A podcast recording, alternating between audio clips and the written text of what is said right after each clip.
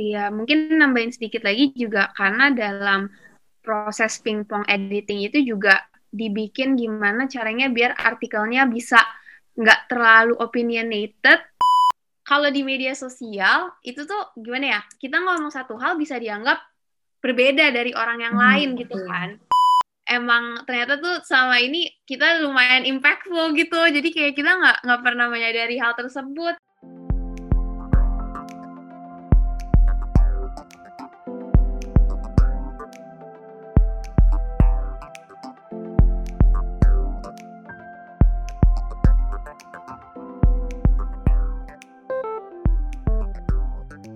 Bagi Suara. Halo pendengar setia Bagi Suara, ketemu lagi bersama gue Ameral. Dan hari ini gue nggak sendirian karena sekarang gue ditemenin sama Karisa. Hai Kar. Hai Mer. Hai teman-teman Bagi Suara. Nah, jadi hari ini kita berdua akan menjadi host episode Bagi Suara hari ini. Dan betul sekali hari ini tanpa jerbat ya, karena kebetulan kali ini kita kedatangan tamu yang merupakan uh, dua orang generasi Z yang backgroundnya ini sama nih sama gue dan Karisa juga mm-hmm. mahasiswa ya remaja lah ya istilahnya. Jadi kita memutuskan kayaknya yang muda-mudi aja lah nih yang berbincang hari ini. Jadi jerbat secara volunteer tidak ada paksaan ya uh, off dulu hmm. sebagai host hari ini digantikan sama gue dan Karita. Oke, okay, jadi seperti yang gue bilang tadi, siapa sih dua orang tamu kita hari ini? Hmm. Dan dua orang ini kayak yang gue bilang itu adalah ya remaja yang merupakan uh, co-founder dari salah satu komunitas remaja yang bisa dibilang sangat aktif membahas uh, beragam isu uh, mulai dari lifestyle, pendidikan, dan isu-isu lain yang jadi concern remaja nih. Langsung aja kita sapa. Halo teman-teman kolom remaja, apa kabar? Hai. Halo. Kabar baik nih. Iya, thank you ya hari ini udah mau hadir di Bagi Suara dan ngobrol bareng sama gue, sama Karisa juga. Hmm. Uh, mungkin boleh kenalan dulu nih, ada siapa aja? Dari sekarang, Uh, halo semuanya, gue Sekar dan posisi gue di kolom remaja adalah Strategy Relations Director. Salam kenal semuanya. Ya, dan gue Anya ya. uh, di kolom remaja itu sebagai Public Relations Director. Salam kenal. Salam kenal Anya Sekar. Ya, halo guys. Oke, okay.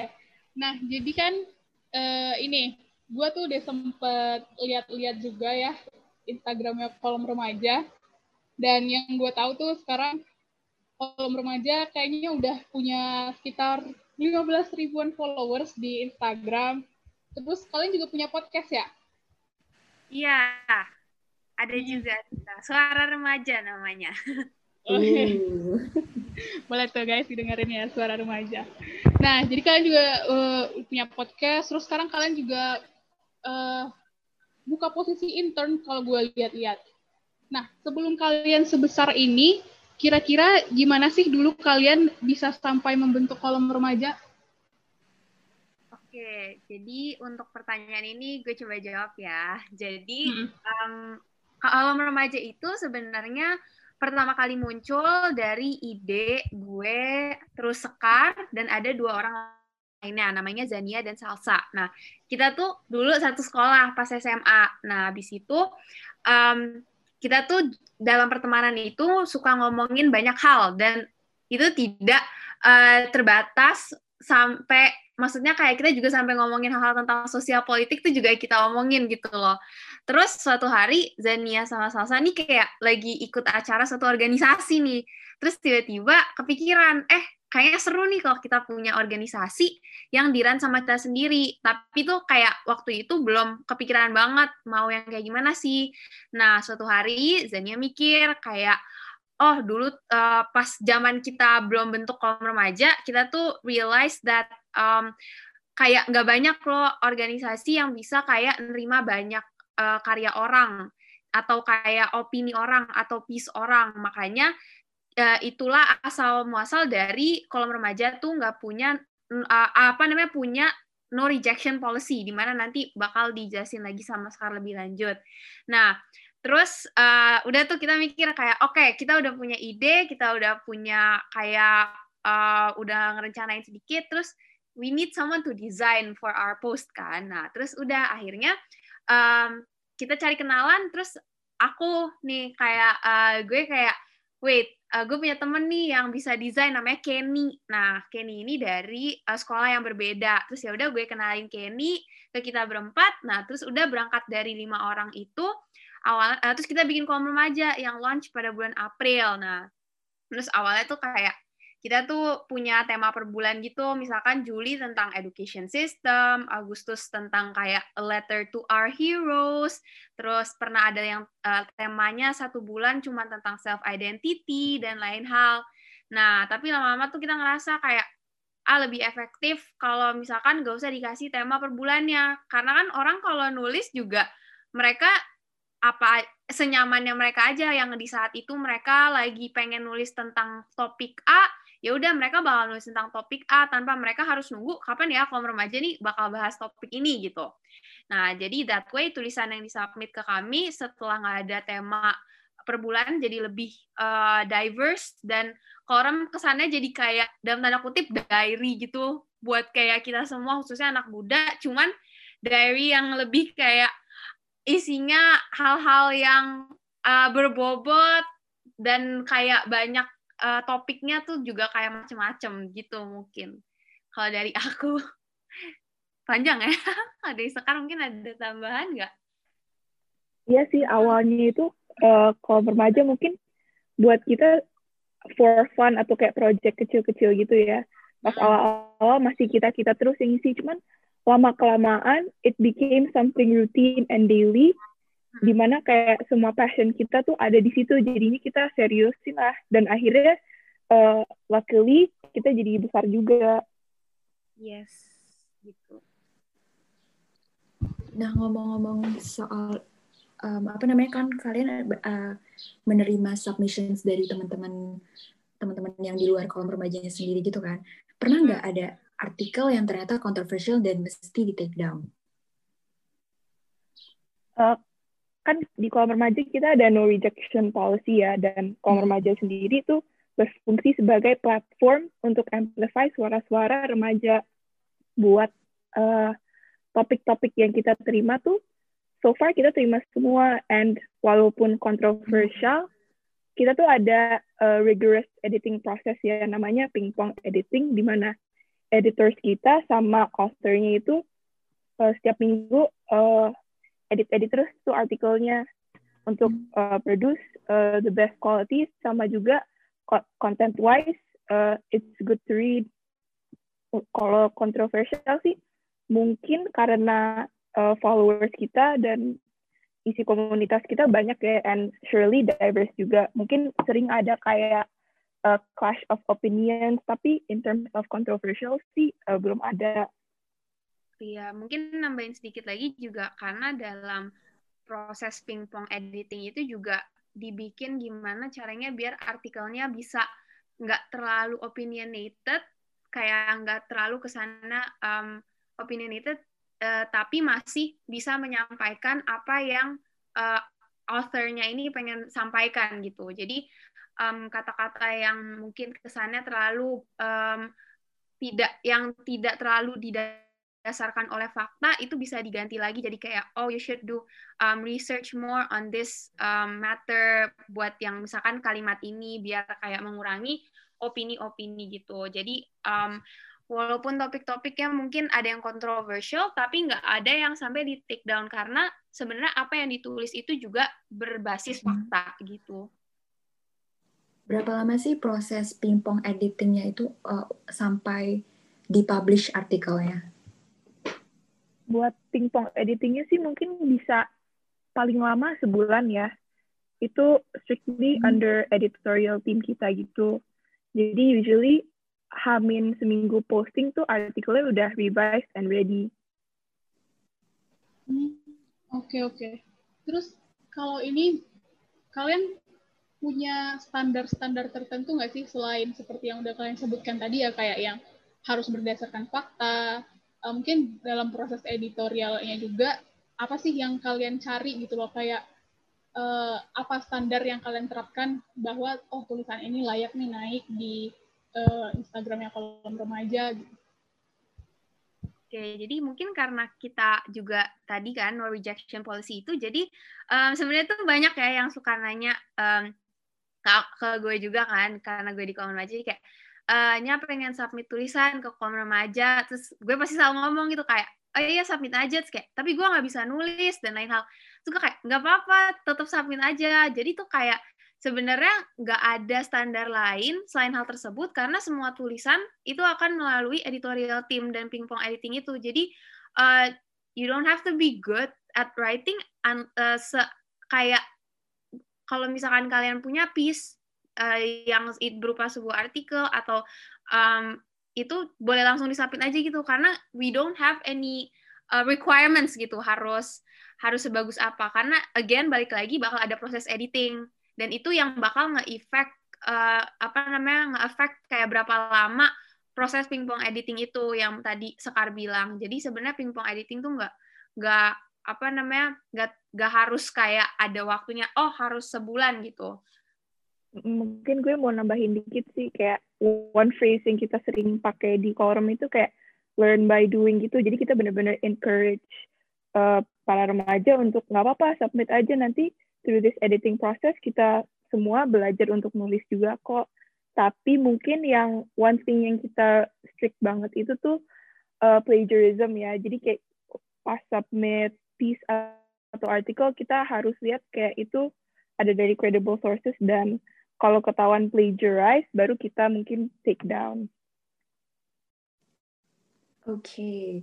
uh, masih mengenai tulisan nih. Jadi mengingat kondisi sekarang yang serba tidak pasti, terus kalau misalkan kita bicara di internet kan ada undang-undang apa undang-undang IT ya semacam pengawasan yang berasal dari pemegang kuasa. Gimana sih pengaruhnya terhadap kalian kolom remaja dan mungkin apakah uh, tadi kalian juga udah mention sih yang apa pingpong editing, self censorship ya berarti gitu. Uh, uh, mungkin kalau misalkan tadi yang undang-undang itu yang itu di media sosial kan UU ITE ini kan ya.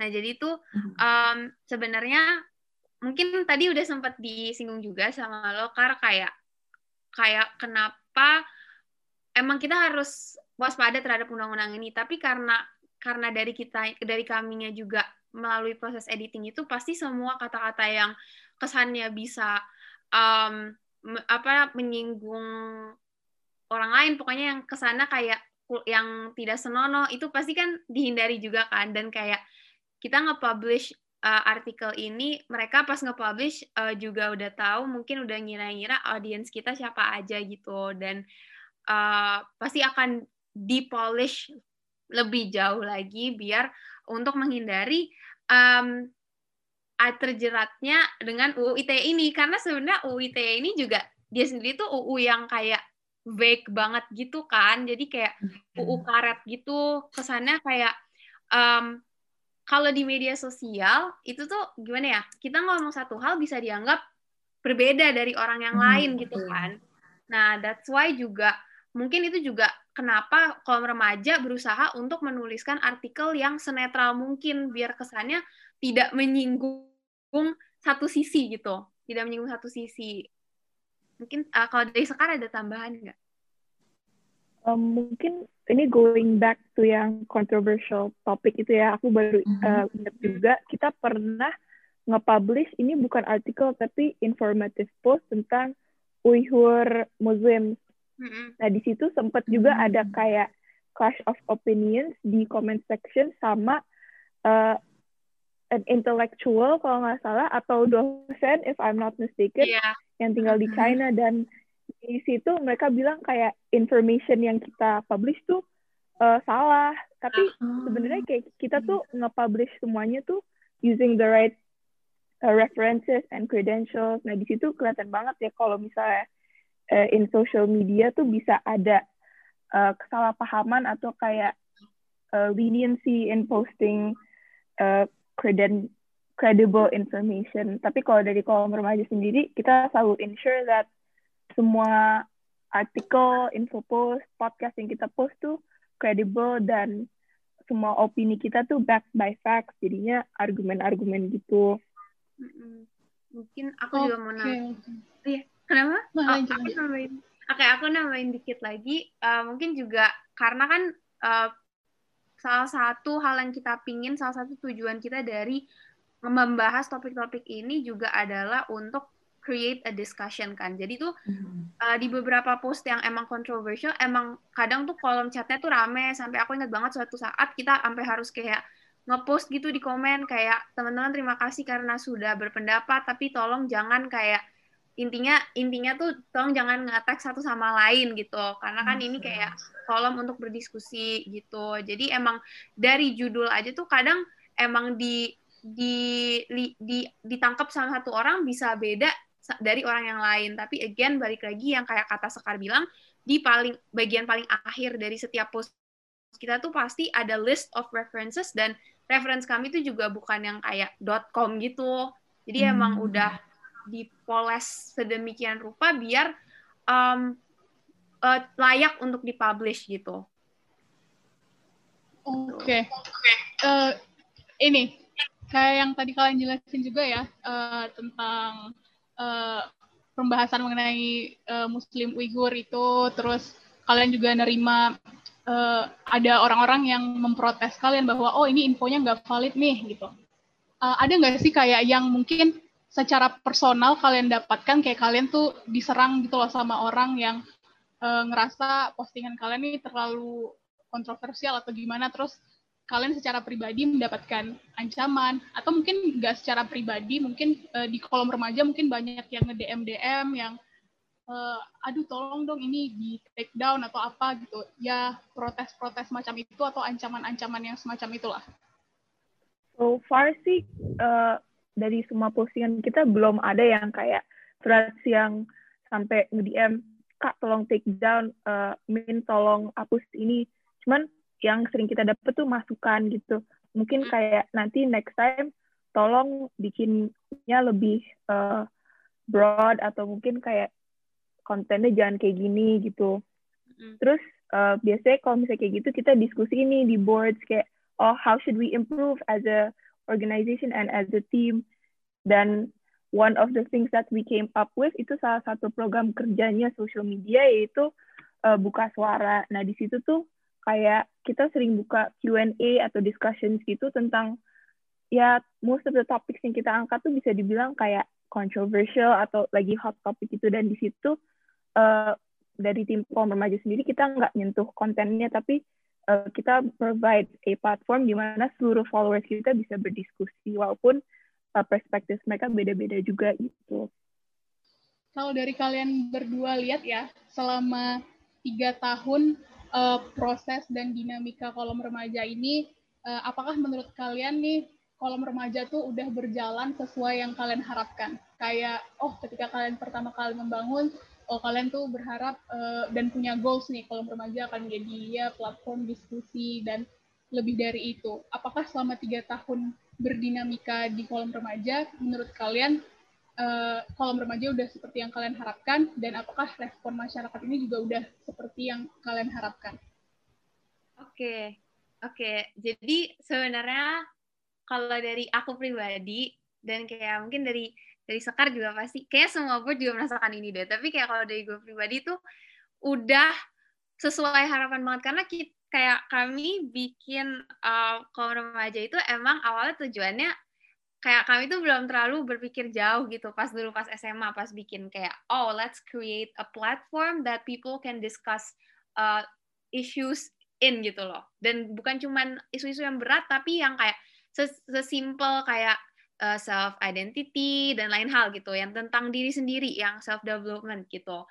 Dan menurut gue sekarang tuh udah malah udah melampaui dari yang gue pribadi uh, bayangin gitu.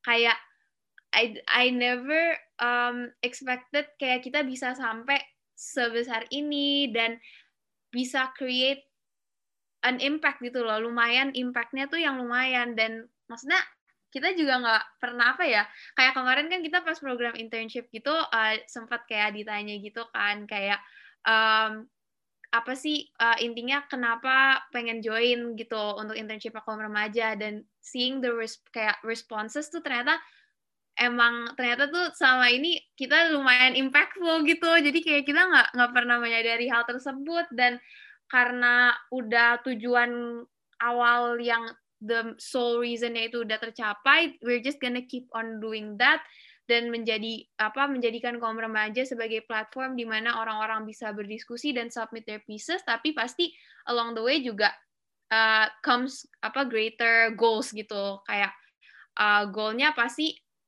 goal kita dulu sama goal kita sekarang pasti beda gitu. Tapi kalau dari uh, goal intinya kayak pokok dari apa sih kita kalau remaja tuh sebenarnya pengen kita jadiin apa itu menurut aku udah tercapai banget dan udah melebihi ekspektasi gitu kalau dari Sakan? Kalau dari gue sih, uh, jujur, it exceeded my expectation so much ya. Dari kita yang tadinya berlima, terus sempat uh, bertujuh belas, sekarang udah punya departemen-departemen masing-masing. And in terms of goals and vision and mission, ya, kerasa banget tuh impact kita pas selesai uh, webinar perdana kita tentang uh, activism di situ hmm. pas ngelihat uh, responsesnya juga both dari narasumber sama participants itu kelihatan banget kayak wah kalau remaja tuh udah uh, bisa dibilang sukses uh, memberi platform untuk youth di mana mereka bisa belajar dan juga voice out their opinion. Oh iya, selamat ya kemarin atas webinar perdananya. Seru banget loh itu. Thank you, Kak. Thank you, thank you. Nah, uh, penasaran sih ini dari kaum remajanya sendiri itu pernah nggak ada ngerasa demot atau ngerasa aduh capek gitu apa atau perasaan lainnya gitu boleh diceritain kalau misalnya ada perasaan pernah ada perasaan-perasaan seperti itu dan kalau nggak salah kan juga sempat uh, vakum gitu ya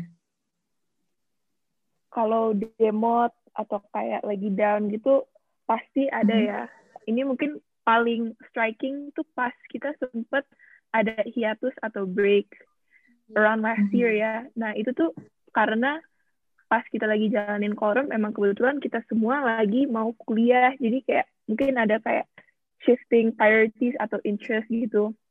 Jadi kita sempat hiatus. Cuman pas quarantine udah mulai, kita mulai mulai lagi nih ngobrol-ngobrol lagi tentang kayak politics lah, anything gitu. Terus kita mikir lagi kayak, oh lanjutin lagi yuk kembangin lagi yuk. Nah, di situ korum berkembang lagi. Dan kalau sekarang sih pasti ya karena workload university juga gede, pasti sering ada kayak lagi demo atau lagi capek. Tapi kayak nggak apa-apa sih kita komunikasiin aja. Jadi uh, kerjaan tetap jalan gitu. Dan kayak uh, it's very normal buat merasa demot kan pasti um, dalam menjalankan suatu organisasi juga kayak whether you're a member atau kayak yang punya. Pokoknya kalau terlibat dalam suatu organisasi dan iya yang sekar bilang yang majornya pas sampai kita hiatus tapi um, I think that's what a team is for juga gitu. Kalau misalkan kita lagi demot yang penting itu benar dikomunikasiin terus kayak nggak apa-apa banget tuh like kalau kita tuh biasanya oh tanggal segini aku mau ada ujian uh, persiapan jadi kayak nggak bisa on. Terus kayak biar impactnya nanti nggak nge apa nge-cost satu tim gitu kan kalau misalkan kita uh, misalnya lagi ujian terus dipaksain buat ngerjain terus ntar jadi demo terus ntar kerjaannya jadi nggak benar gitu. Jadi kayak we have each other's backs aja gitu. Yang penting kayak ada yang siap buat oke okay, ntar uh, buat yang ini gue gantiin yang ini gue yang gantiin gitu-gitu sih sebenarnya. Jadi it's a matter of um, demot pasti ada tetapi tetap demot itu harus dikomunikasiin. Jadi kayak ngomong I'm not feeling very kayak uh, at my best gitu. Kayak um, merasa ini ini merasa ini itu gitu. Jadi kayak gue butuh time off yang penting dikomunikasiin gitu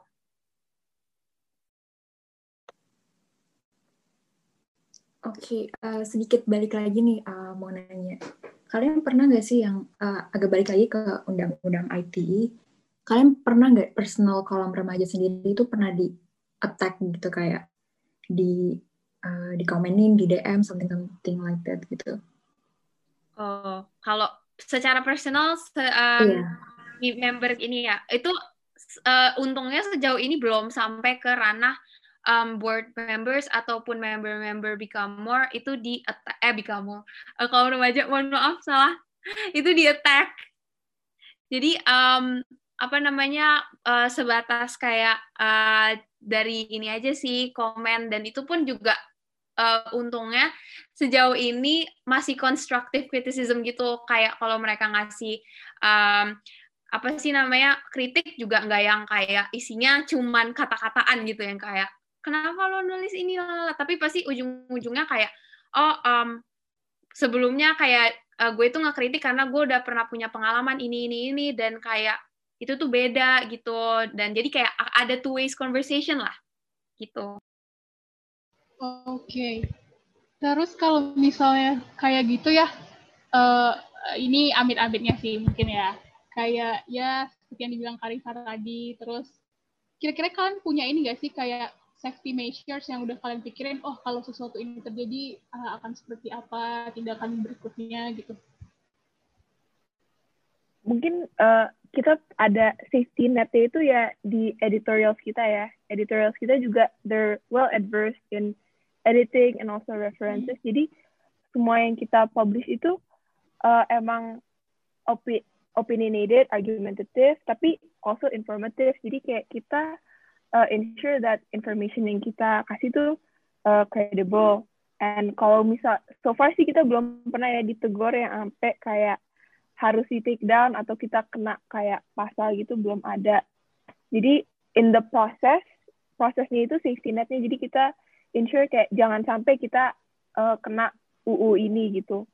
Dan mungkin ini juga bukan untuk editors juga tapi designers kita ya kayak untuk uh, avoid plagiarism atau kayak copywriting kita juga produce our own arts and digital illustration. oke. Oke.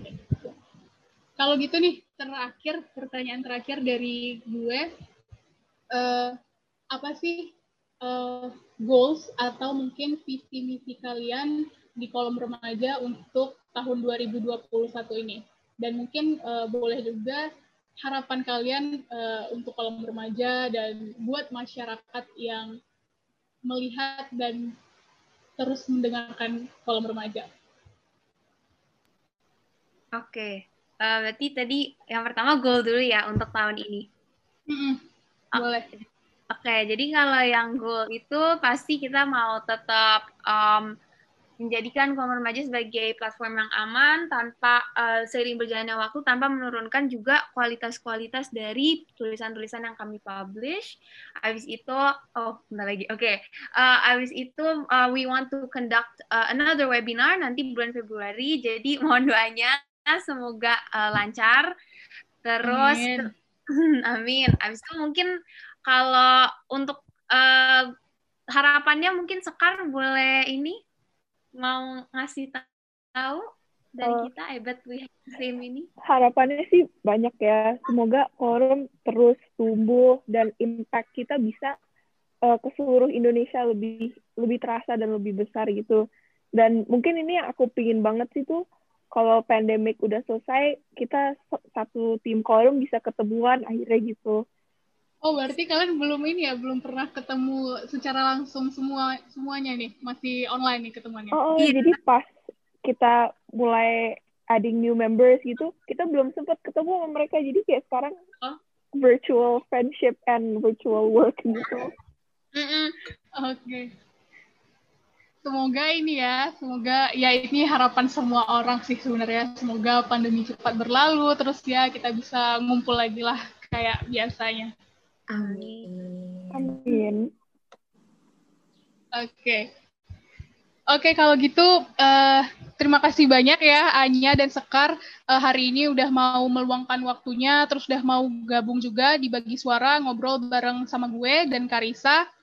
Dan menurut gue ini obrolannya sangat menarik dan juga menurut gue cukup memotivasi karena kalian sendiri memulai inisiasi untuk mendirikan kolom remaja ini kan di di usia yang sangat muda ketika kalian masih SMA terus sampai sekarang ini masih berlanjut uh, masih continue terus impact yang kalian berikan ke masyarakat juga cukup besar untuk memancing diskusi dan memberikannya informasi-informasi uh, khususnya untuk remaja dan kaum-kaum muda juga.